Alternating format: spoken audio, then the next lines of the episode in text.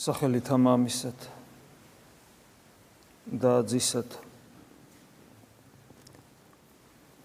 და სული საწმინდისად პირველი კვირა მართლმადიდებლობიზე იმათ იწოდება. ამ დღეს თავისი ისტორია აქვს რომელიც თავისთავად ძალიან საინტერესოა როგორც ისტორიული ასევე საფრთხისმეტყველო და ეკლესიოლოგიური თვალსაზრისით მაგრამ რა თქმა უნდა როგორც ყველა დღესასწაულს ამ დღეს თავისი პრაქტიკული დანიშნულებაც აქვს. პირველ რიგში რაც მე მინდა გითხრათ არის ის რომ რადგან ჩვენ გვწამს რომ მართლმადიდებლობა არის ის უნიკალური მოძღვრება რომელიც რომელსაც მოციქულები ქადაგებდნენ გადმოგცემდნენ რა თავიანთ გამოცდილებას განკაცებულ ღმერთთან ურთიერთობისა და ამავე დროს მოციქულებმა რომელმაც პირველმა განიცადეს თუ რა არის ეკლესია, გარდამოვიდა რამაც სული წმინდა და შესაბამისად მათი სიტყვა იყო არა თეორია, არამედ პრაქტიკიდან აღმოცენებული. შესაბამისად, და რადგან გვწამს, რომ ჩვენ იმ ეკლესიაში ვარ ზუსტად, ზუსტად იმ ეკლესიაში ვარ, რომელსაც მოციქულები გვიქადაგებდნენ, რომელიც მოციქულთა ფესვებიდან არის აღმოსდილი, რომლის საძილკვაში, საფუძველში თავად იესო ქრისტეა, თუ ჩვენ ეს გვწამს, მაშინ ჩვენ უნდა ვაცნობიერებდეთ, რომ ჩვენ ყოველდღიურად, ყოველდღიურ რეჟიმში ვიმყოფებით ღვთის განსაკუთრებული საფარველის ქვეშ და მუდმივ სასწაულში, ანუ ყოველ წამიერად ყოველთვის უფალი გარკვეულ ნიშანს გვაძლევს, რობის ჩვენთან არის. ეს შესაბამისად ნიშნავდეს უნდა იმას, რომ მართლმადიდებლობა ვართ რა ჩვენ ასეთნი, მუდამ მადლიერების მდგომარეობაში უნდა გამყოფებდეს, ამიტომაც ქვია სწორედ უმთავრეს მსახურებას, ისიც შენდება ეკლესია ევქარისტია, ანუ მადლიერება და ამავე დროს იგი მუდმივ ანუ მართლმადიდებლობა მუდმივ განცვიფრებას უნდა იწევდეს ჩვენში. საერთოდ განცვიფრება ხომ ეს ადამიანური შემეცნებისათვის უმნიშვნელოვანესი რამ არის. ადამიანი როგორც კი განცვიფრებას წყვეტს, ის ვერაფერს ვეღარ შეიმეცნებს. განსაცვიფრებელი ბევრია, თქვა, თუნდაც ამ სამყაროს შვენიერებიდან და კანონზომიერებიდან დაწყებული, აგერ იმ უდიდეს საიდუმლოებებით დასრულებული და გაგრძელებული, რომელსაც ეკლესია ქვია. და შესაბამისად მართლმადიდებლობაში ჩვენ გულისხმობთ ქრისტეს ჭეშმარიტ ეკლესიას. დღევანდელ დღეს, რომელსაც როგორც გითხარით, თავის ისტორია აქვს საინტერესო თავისთავად და ეს ყველა მიცით და თუ არ იცით შეიძლება ეს მოიძიო და წაიკითხოთ, თუმცა წინა წლებში ჩვენ გარკვეულწილად ამაზე გვისაუბრია. დღევანდელ დღეს ძალიან საინტერესო საკითხავი აქვს სახარებისეულ თვალს, სახარებ სახარებას გულისხმობ, თუმცა სამოციქულოც ასევე ძალიან საინტერესოა. სახარებაში ეს არის ადგილი, რომელიც ჩვენ კარგად ვიცით, ხშირად ვახსენებთ ამ ადგილს, იმიტომ რომ აქ არის ერთგვარად ფარდა ახდილი ცოტათი, ცოტათი იმ საიდუმლოებაზე, რასაც ღვთის კერძოდ განკაცებული ღმერთის შემეცნება ჰქვია.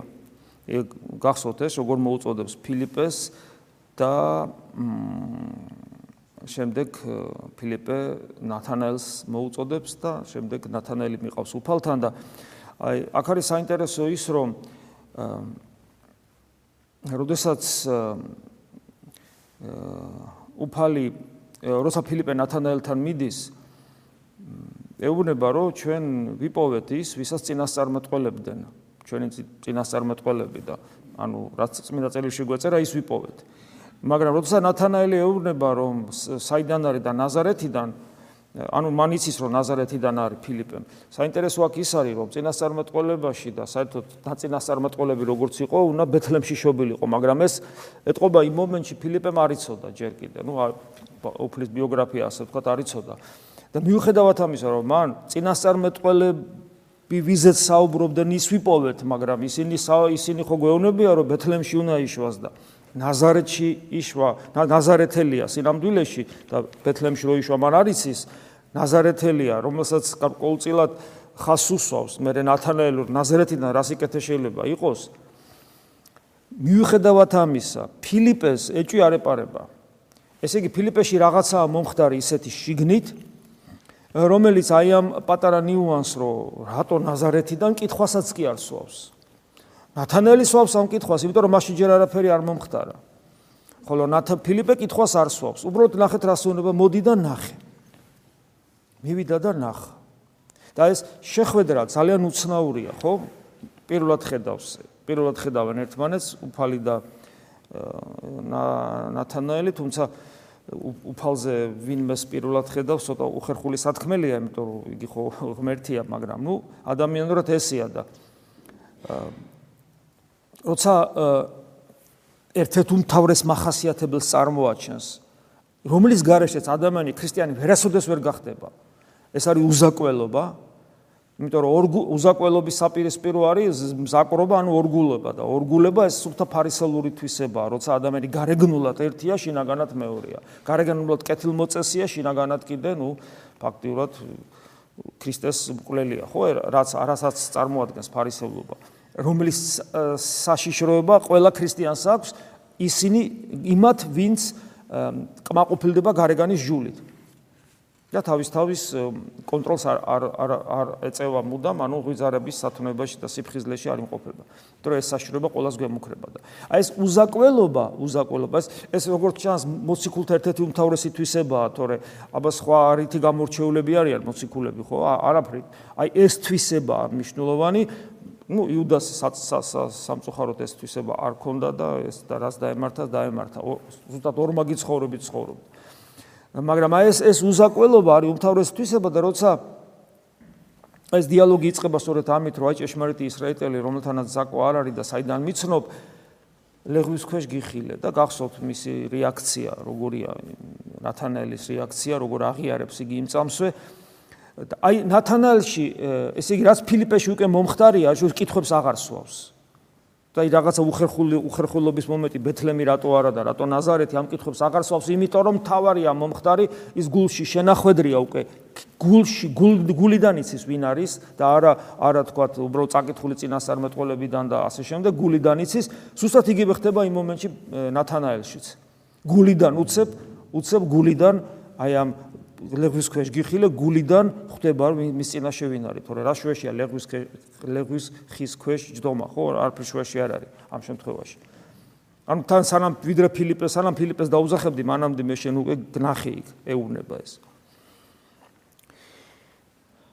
ესე იგი ნათანაელი ხო აღფთოვანდება მაგრამ მე რა უფალ ნახეთ რა შეუნება აი ესეთი მარტივი რაღაცა გითხარიო რომ ლეგვის ქვეშ გიხილეო და ირწმუნეო და რადგან ესეთი ესეთი პატარა რაღაცით ირწმუნეო, უფრო მეც იხილავ და მე რეუნება რასაც იხილავს, ხო? ფაქტობრივად რას იხილავს? ესე იგი, ტრანსცენდენტულ სამყაროში აღმავალ კიბეს. ხო, ფაქტიურად, ანუ აღმავალს ანგელოზებს ზეკაცისაზე, კიბე, რომელიც რომელიც რომელზეც ანგელოზები ადიან ჩადიან და ეს ფაქტიურად გახსნილიცა არის. ეს არის გახსნილიცა, ეს არის იესო ქრისტეს ღმერთობის ხილვა გულისმიერი და ფაქტურად ეს კავშირი ტრანსცენდენტულ სამყაროსა და ესე იგი ამ სამყაროს შორის და ხილვა კიდე ხილვა. ეს ხილვა არის არა უბრალოდ სპექტაკლის ხილვა შორიდან მაყურებლის როლში არამედ თანამონაწილეობა ამ ყოველივესი ამიტომ გეუბნება ამაზე მეც იხილავ ეს დიდებულებას და ესე იგი ეს რას ნიშნავს? ეს ნიშნავს იმას რომ თუ ჩვენ აქ მოვსულ ვართ მოვედით იმის იმის გამო რომ ჩვენს გულს შენახებია წარმოგიდგენიათ ეს თუ ეს ესია მაშინ წინ რამდენი რამე გველოდება? მათ შორის ეს კავშირი ტრანსცენდენტულს ყოფიერებასთან ანუ ღმერთთან და მარადიული სიცოცხლე და ასე შემდეგ. ანუ დღევანდელი სახარება პირდაპირ პირდაპირ გადაგვიმას გადაგვი ფაქტურად ჩვენს ცნობიერებას წარმართავს შიგნით შიგნით სადაც ჩვენ ქრისტეს უნდა შევხვდეთ. პირდაპირ შიდა ცხოვრებაზე მიგვანიშნებს და როცა ჩვენ საუბრობთ მართმადიდებლობაზე და მართმადიდებლობის ზეიმზე, იკითხება რა ეს სახარება. და 60 ქულუს ებრაელთა მიმართ 60 ქულუ იკითხებოდა, რომელიც უაღრესად ქრისტოცენტრულია, რომ ესე იგი ჩვენ ჩვენი ჩვენი ცნობიერება კონცენტრირებულია იესო ქრისტეზე და აი ესე მივისწრაფი და არა მარტო ჩვენ, არამედ ეკლესიოლოგიურიც არის.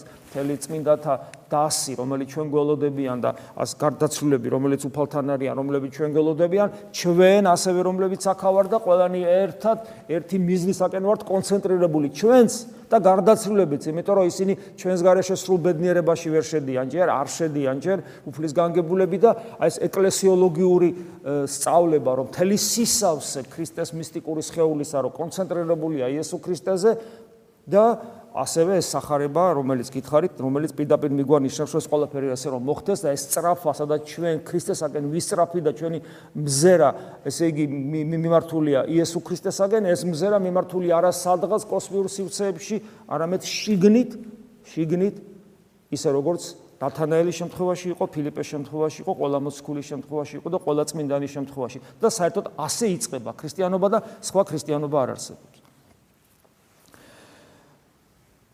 როდესაც ჩვენ საუბრობთ რომ ზეიმია ჭეშმარიტი ქრისტიანობის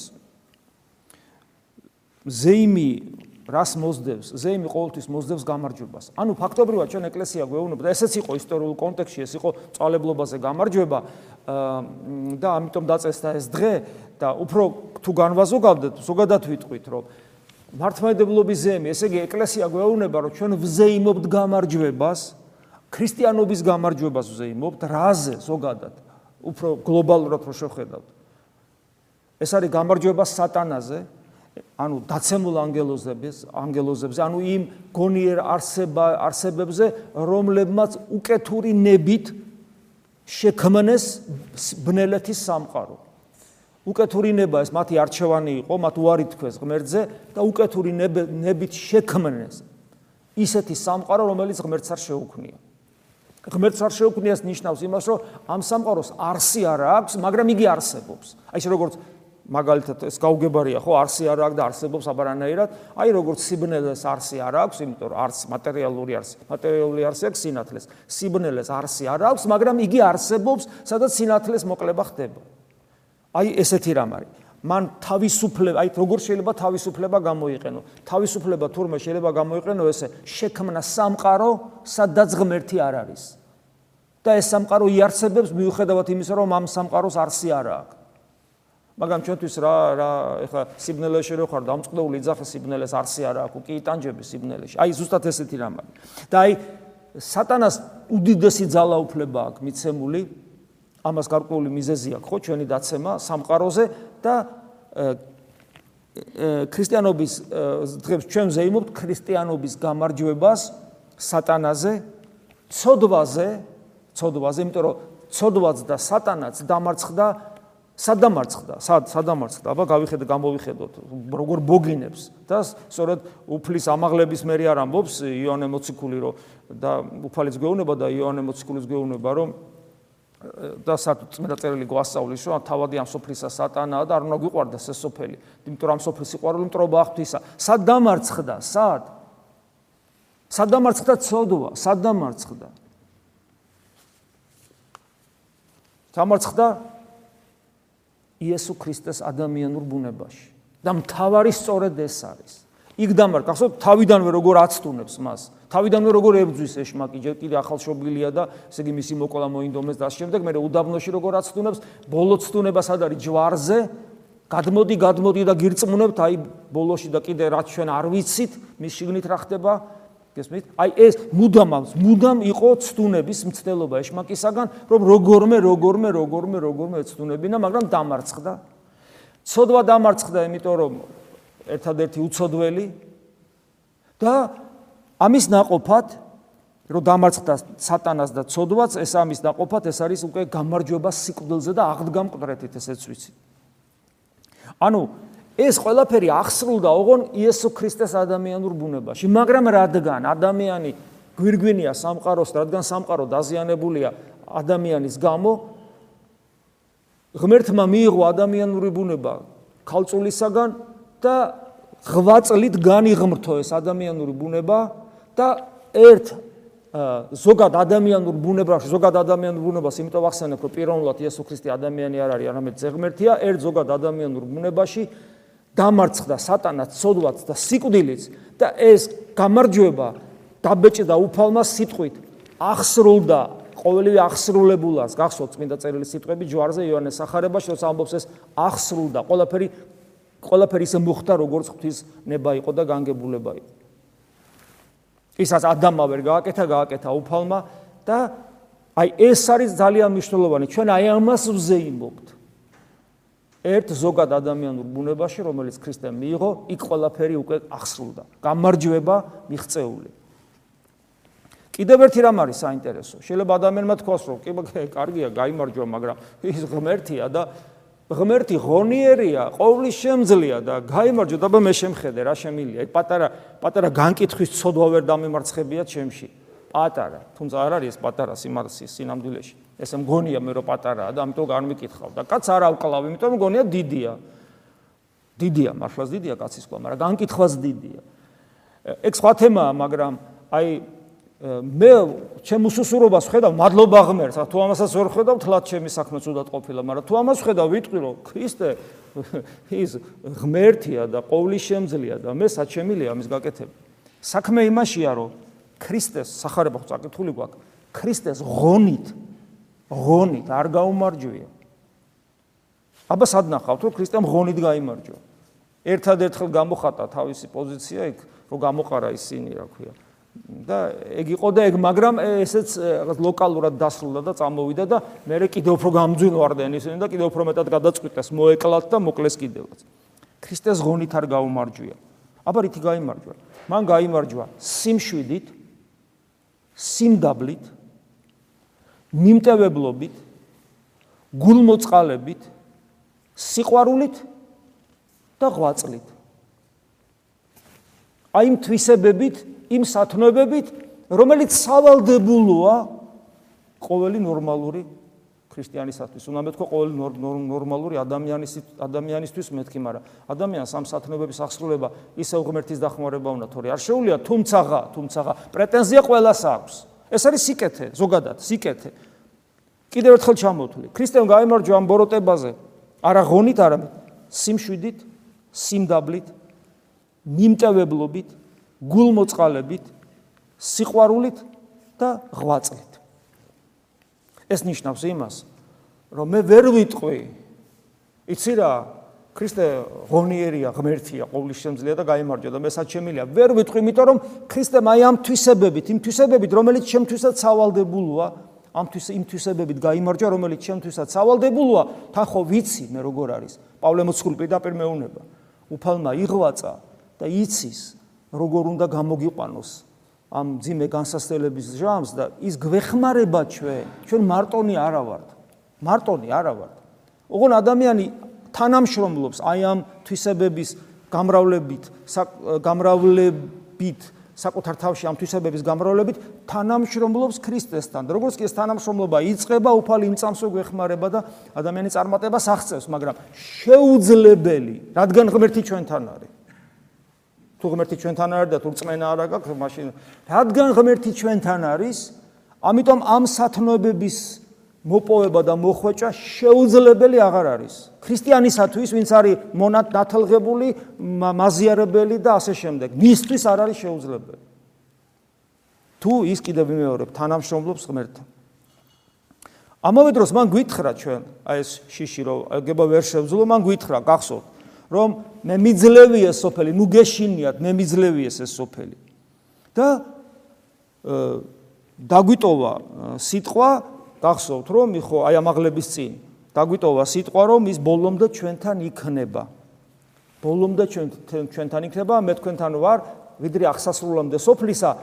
ნუ გეშინიათ, მე მიძლევია ეს სოფელი, მე თქვენთან ვიქნები ამ სამყაროს აღსასრულამდე და რა თქმა უნდა მერეც რატომ? იმიტომ რომ ჩვენც ვძლიოთ. ჩვენც ვძლიოთ. ყველაფერი გვითხრა და შესაბამისად ძალებიც მოგცა. ახლა შეიძლება ადამიანმა თქვას, რომ ამდენი რამე მოხდა და სამყარო კიდევ ერთხელ ვიმეორებ, მე ვთქვი უკვე, სამყარო საბა სად შეცვლილა. სამყარო კიდევ ვიმეორებ, არ შეცვლილა. რატომ არ შეცვლილა სამყარო? როგორ უნდა შეცვლილიყო სამყარო? როდესაც სამყარო რა, ქვა ხო არ არის სამყარო, ადამიანია და ადამიანი დაზიანებული ადამიანური ბუნება განაპირობა სამყაროს დაზიანება. სამყარო როგორც თავი თავი ცუდად არის და მთელი სხეული ცუდად არის. თავი განიკურნება, მთელი სხეულის განიკურნება. ეს არის ქრისტიანული სწავლება. და როგორ უნდა შეცვლილიყო სამყარო, როცა თავმა უარი თქვა ქრისტეზე. თავმა, ანუ ადამიანმა ქრისტე მოკლა და მცირე სამწყსომ ირწმუნა. როგორ უნდა შეცვლილიყო სამყარო? მაგრამ ეს სამყარო კვნესის და ელმის და ელოდება გამოხსნას როგორც პავლე მოციქული ამბობს. მაგრამ არაფერი არაშველება სანამ ქრისტეს არ შეიმეცნებს ადამიანი. ამიტომ ეს გაუთავებელი კაცობრიობის ისტორიაში გაუთავებელი ძიება ბედნიერებისა, კეთილდღეობისა და ასე შემდეგ ყოველთვის კრახით მთავრდება. იმიტომ რომ ამ ბედნიერებისა და სიკეთის ძიება სურთ სურთ ქრისტეს გარეშე.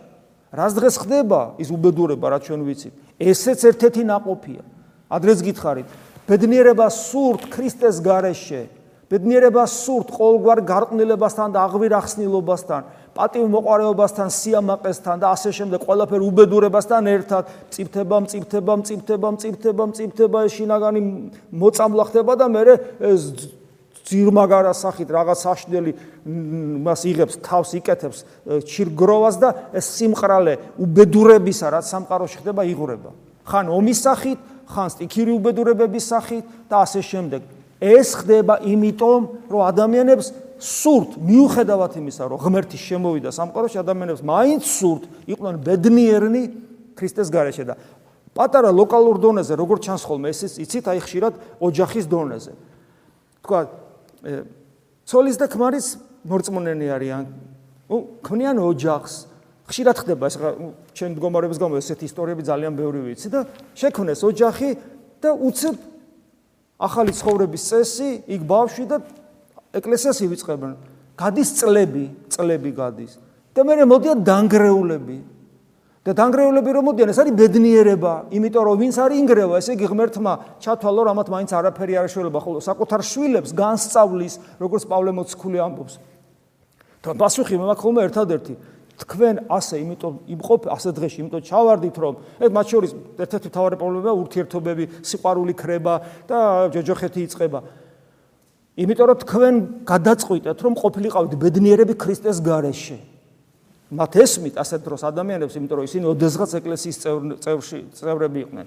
ეს ლოკალურად და გლობალურადაც ეს ხდება. ეს ხდება. ამიტომ ჩვენ ვიცოდეთ, რომ სამყარო არ შეცვლა, სამყარო ისევ იგივეა, სამყარო ქრისტეს მკვლელობის წოდვაშია ისევ და ეს ეს პროცესი უკან და უფრო ცუდისკენ და ცუდისკენ მიდის, მაგრამ რა მოხდა ადამიანს არირა თავისუფალი ქრისტეს აი ამ ღვაწლის შედეგად მიეცა შესაძლებლობა ცვლილების. სამყარო არ შეცვლა, მაგრამ ცვლილების შესაძლებლობა თითოეულ ადამიანს მიეცა.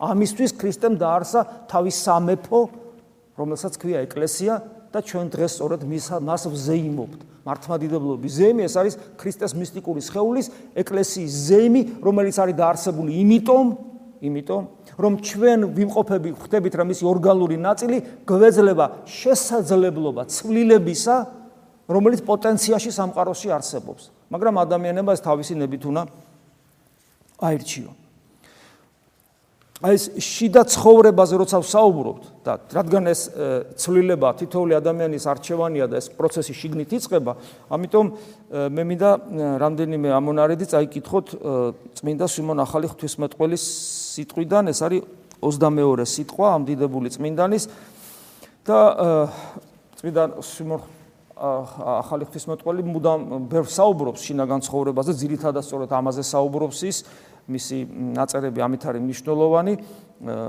და იქიდან რაღაც მცირეოდენი ნაწილია 22 თავიდან. ესეთ რამეს ამბობს წმინდა სვიმეონი. ადამიანი ან ხორციელად ცხოვრობს, ან სულიერად. ან ან ან ხორციელად, ან სულიერად. ვინ სულიერად ფიქრობს და მოქმედებს, ის იწოდება მართლად. აი, მართმადიდებლობა, ხო? კიდევ ვიმეორებ, ზოგადად კი არა, ჩემთვის რა არის? აი, სულიერად ცხოვრობ, სულიერად ცხოვრობ, მაშინ შეიძლება მართლად ვიწოდებოდე და თუ არა, არა და აი სულიერი ცხოვრება, კიდევ ვიმეორებ, რელიგიური ცხოვრება არ არის სულიერი ცხოვრება. სულიერი ცხოვრება არის შინაგანი ცხოვრება. რელიგიური არის მისი გარეგანი გარეგანის შეფუთულობა, მეტი არაფერი და შინაგანი თუ არ არის, ის არაფერს არ იძლევა. შეუძლებელია ეხლა მე უკვე ესე იგი სულიერ ცხოვრებაზე ხო საუბრობს და სულიერ ცხოვრების ერთ-ერთი მახასიათებელი უცოდველობაა, ხო, როცა ადამიანი ცოდვა რა არის? ცოდვა არის, როცა ღმერთს დაცილებული ხარ და სულიერი ცხოვრება რა არის? ღმერთთან ყოფობა. და ეხლა აგზელებს შეუძლებელია ცოდვაში არ იყოს ის ვისაც უფალი იესო ქრისტესთან არ აქვს ერთობა. ლოგიკური არის თითქოს, აბა რა არის ახლა გასაგებია, ხო? თუ არა გაქვს ქრისტესთან ერთობა, შეუძლებელია რომ ცოდვაში არ იყოს. ასეთ საფრთხო მადლი არა აქვს. მართალი ცხოვრება იმაში მდგომარეობს, რომ ზიარება და ურთიერთობა გქონდეს უფალ იესო ქრისტესთან. იმეორებს ისე. ვისაც ეს ერთობა არ აქვს, შეუძლებელია თავისუფალ იყოს ცოდვისგან. იმიტომ რომ ცოდვა ეს არის ქრისტესგან განშორებულობა. და პირიქით, ვისაც უფალ იესო ქრისტესთან ერთობა აქვს, მასე ვერასოდეს იბატონებს ცოდვა. რადგან ქრისტიანები ასე დროს თავად ქრისტეში ცხოვრობენ, მოქმედებენ და მყოფობენ. გახსოვთ საქმე მოციქულთას ეს მე-17 თავშია სიტყვები, რამე თუ მის მიერ, ანუ ქრისტეს მიერ ცხოვრ, ანუ ცოცხალ ვართ, ვიქცევით, ანუ მოძრაობთ და ვართ.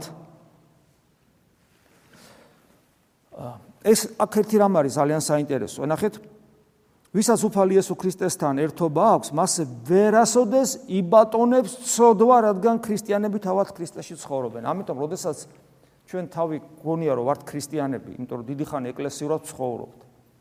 და ვარდებით ისეთ ცოდვაში, რომ ცოდვებში ყველა ვართ, მაგრამ ისეთ ცოდვებში, რომელსაც ვერ ვერევით, წლების განმავლობაში ეს იქნება ხორციელი მძიმე ცოდვები თუ ეს იქნება სულიერი მძიმე ცოდვები ყველამ ვიცით სულიერი მძიმე ცოდვები რომელია და ყველამ ვიცით ხორციელი მძიმე ცოდვები რომელია თუ ჩვენ ვერ ვერევით და პროგრესი არა გვაქვს ამ ცოდვების დაძლევაში ღმერთის მიერ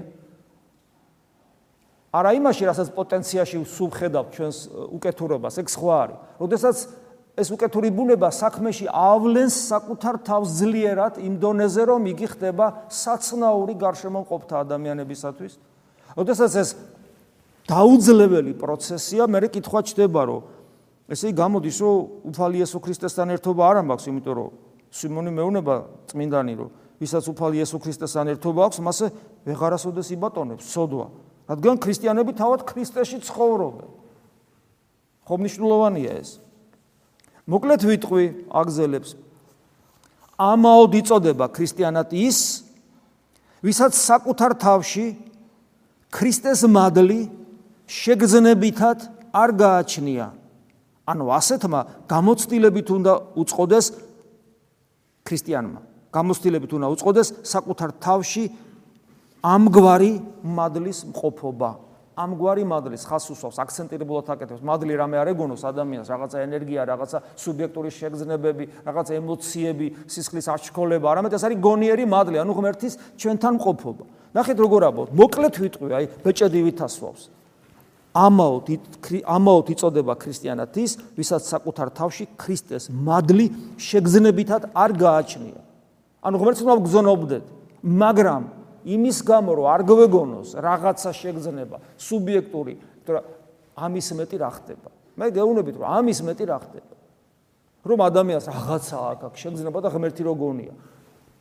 ძალიან ადულად ხდება ამ ადამიანის ლუსტრაცია. ძალიან ოღონ თუ მას თავდაბლობა აქვს ასე დროს მოძღვარი მას ეხმარება და არა მარტო მოძღვარი, გარშემო ყველა ადამიანი ეხმარება. იმ წამსვე, იმიტომ რომ ასეთ ადამიანს, რომელსაც შეგრძნებითად აქვს რაღაცა და ღმერთი გონია, ესეთი ადამიანი ყოველთვის, ყოველთვის პრობლემებს უქმნის საკუთარ თავს მოყვასთან ურთიერთობაში. ყოველთვის პრობლემები აქვს. იმიტომ რომ ეს არის ამ პარტაუნების სული.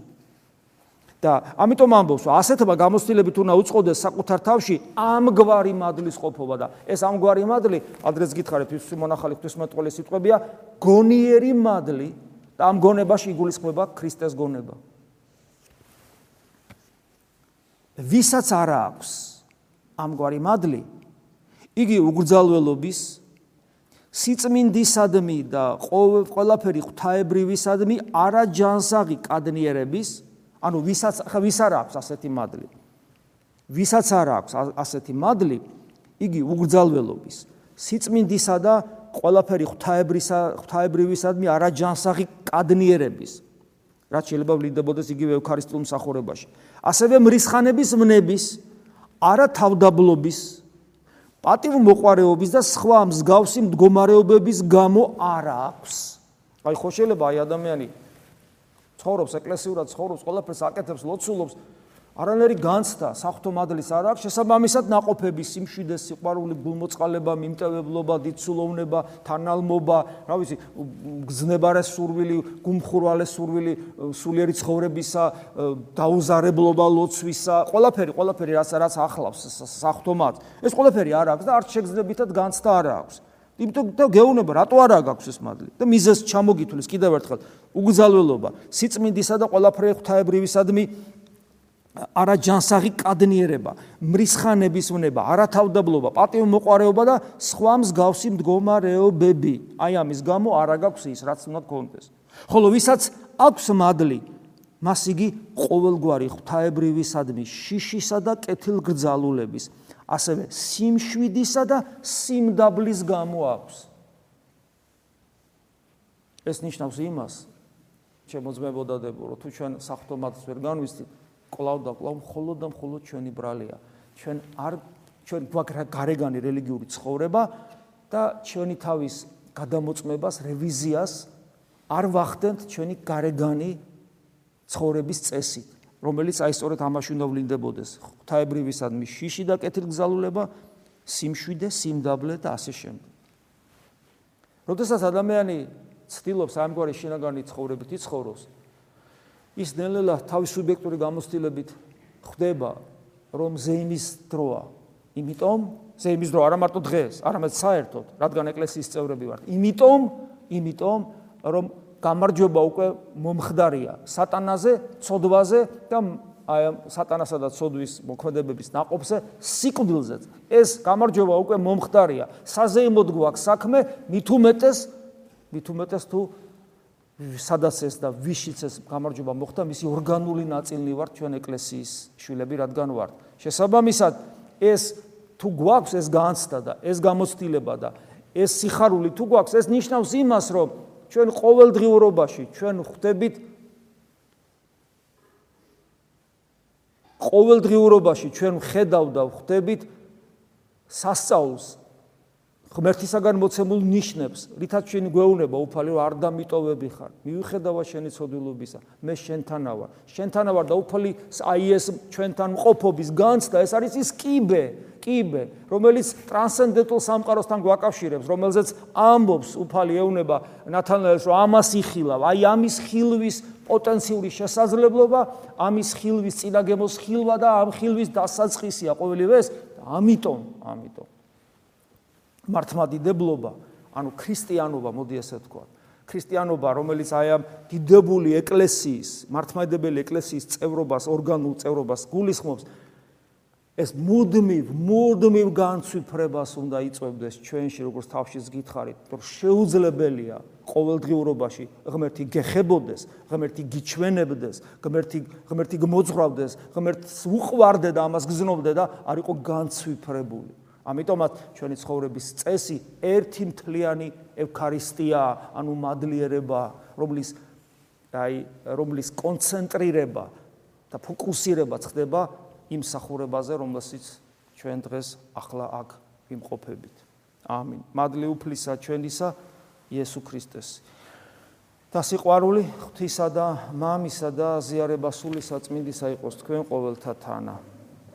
ამინ.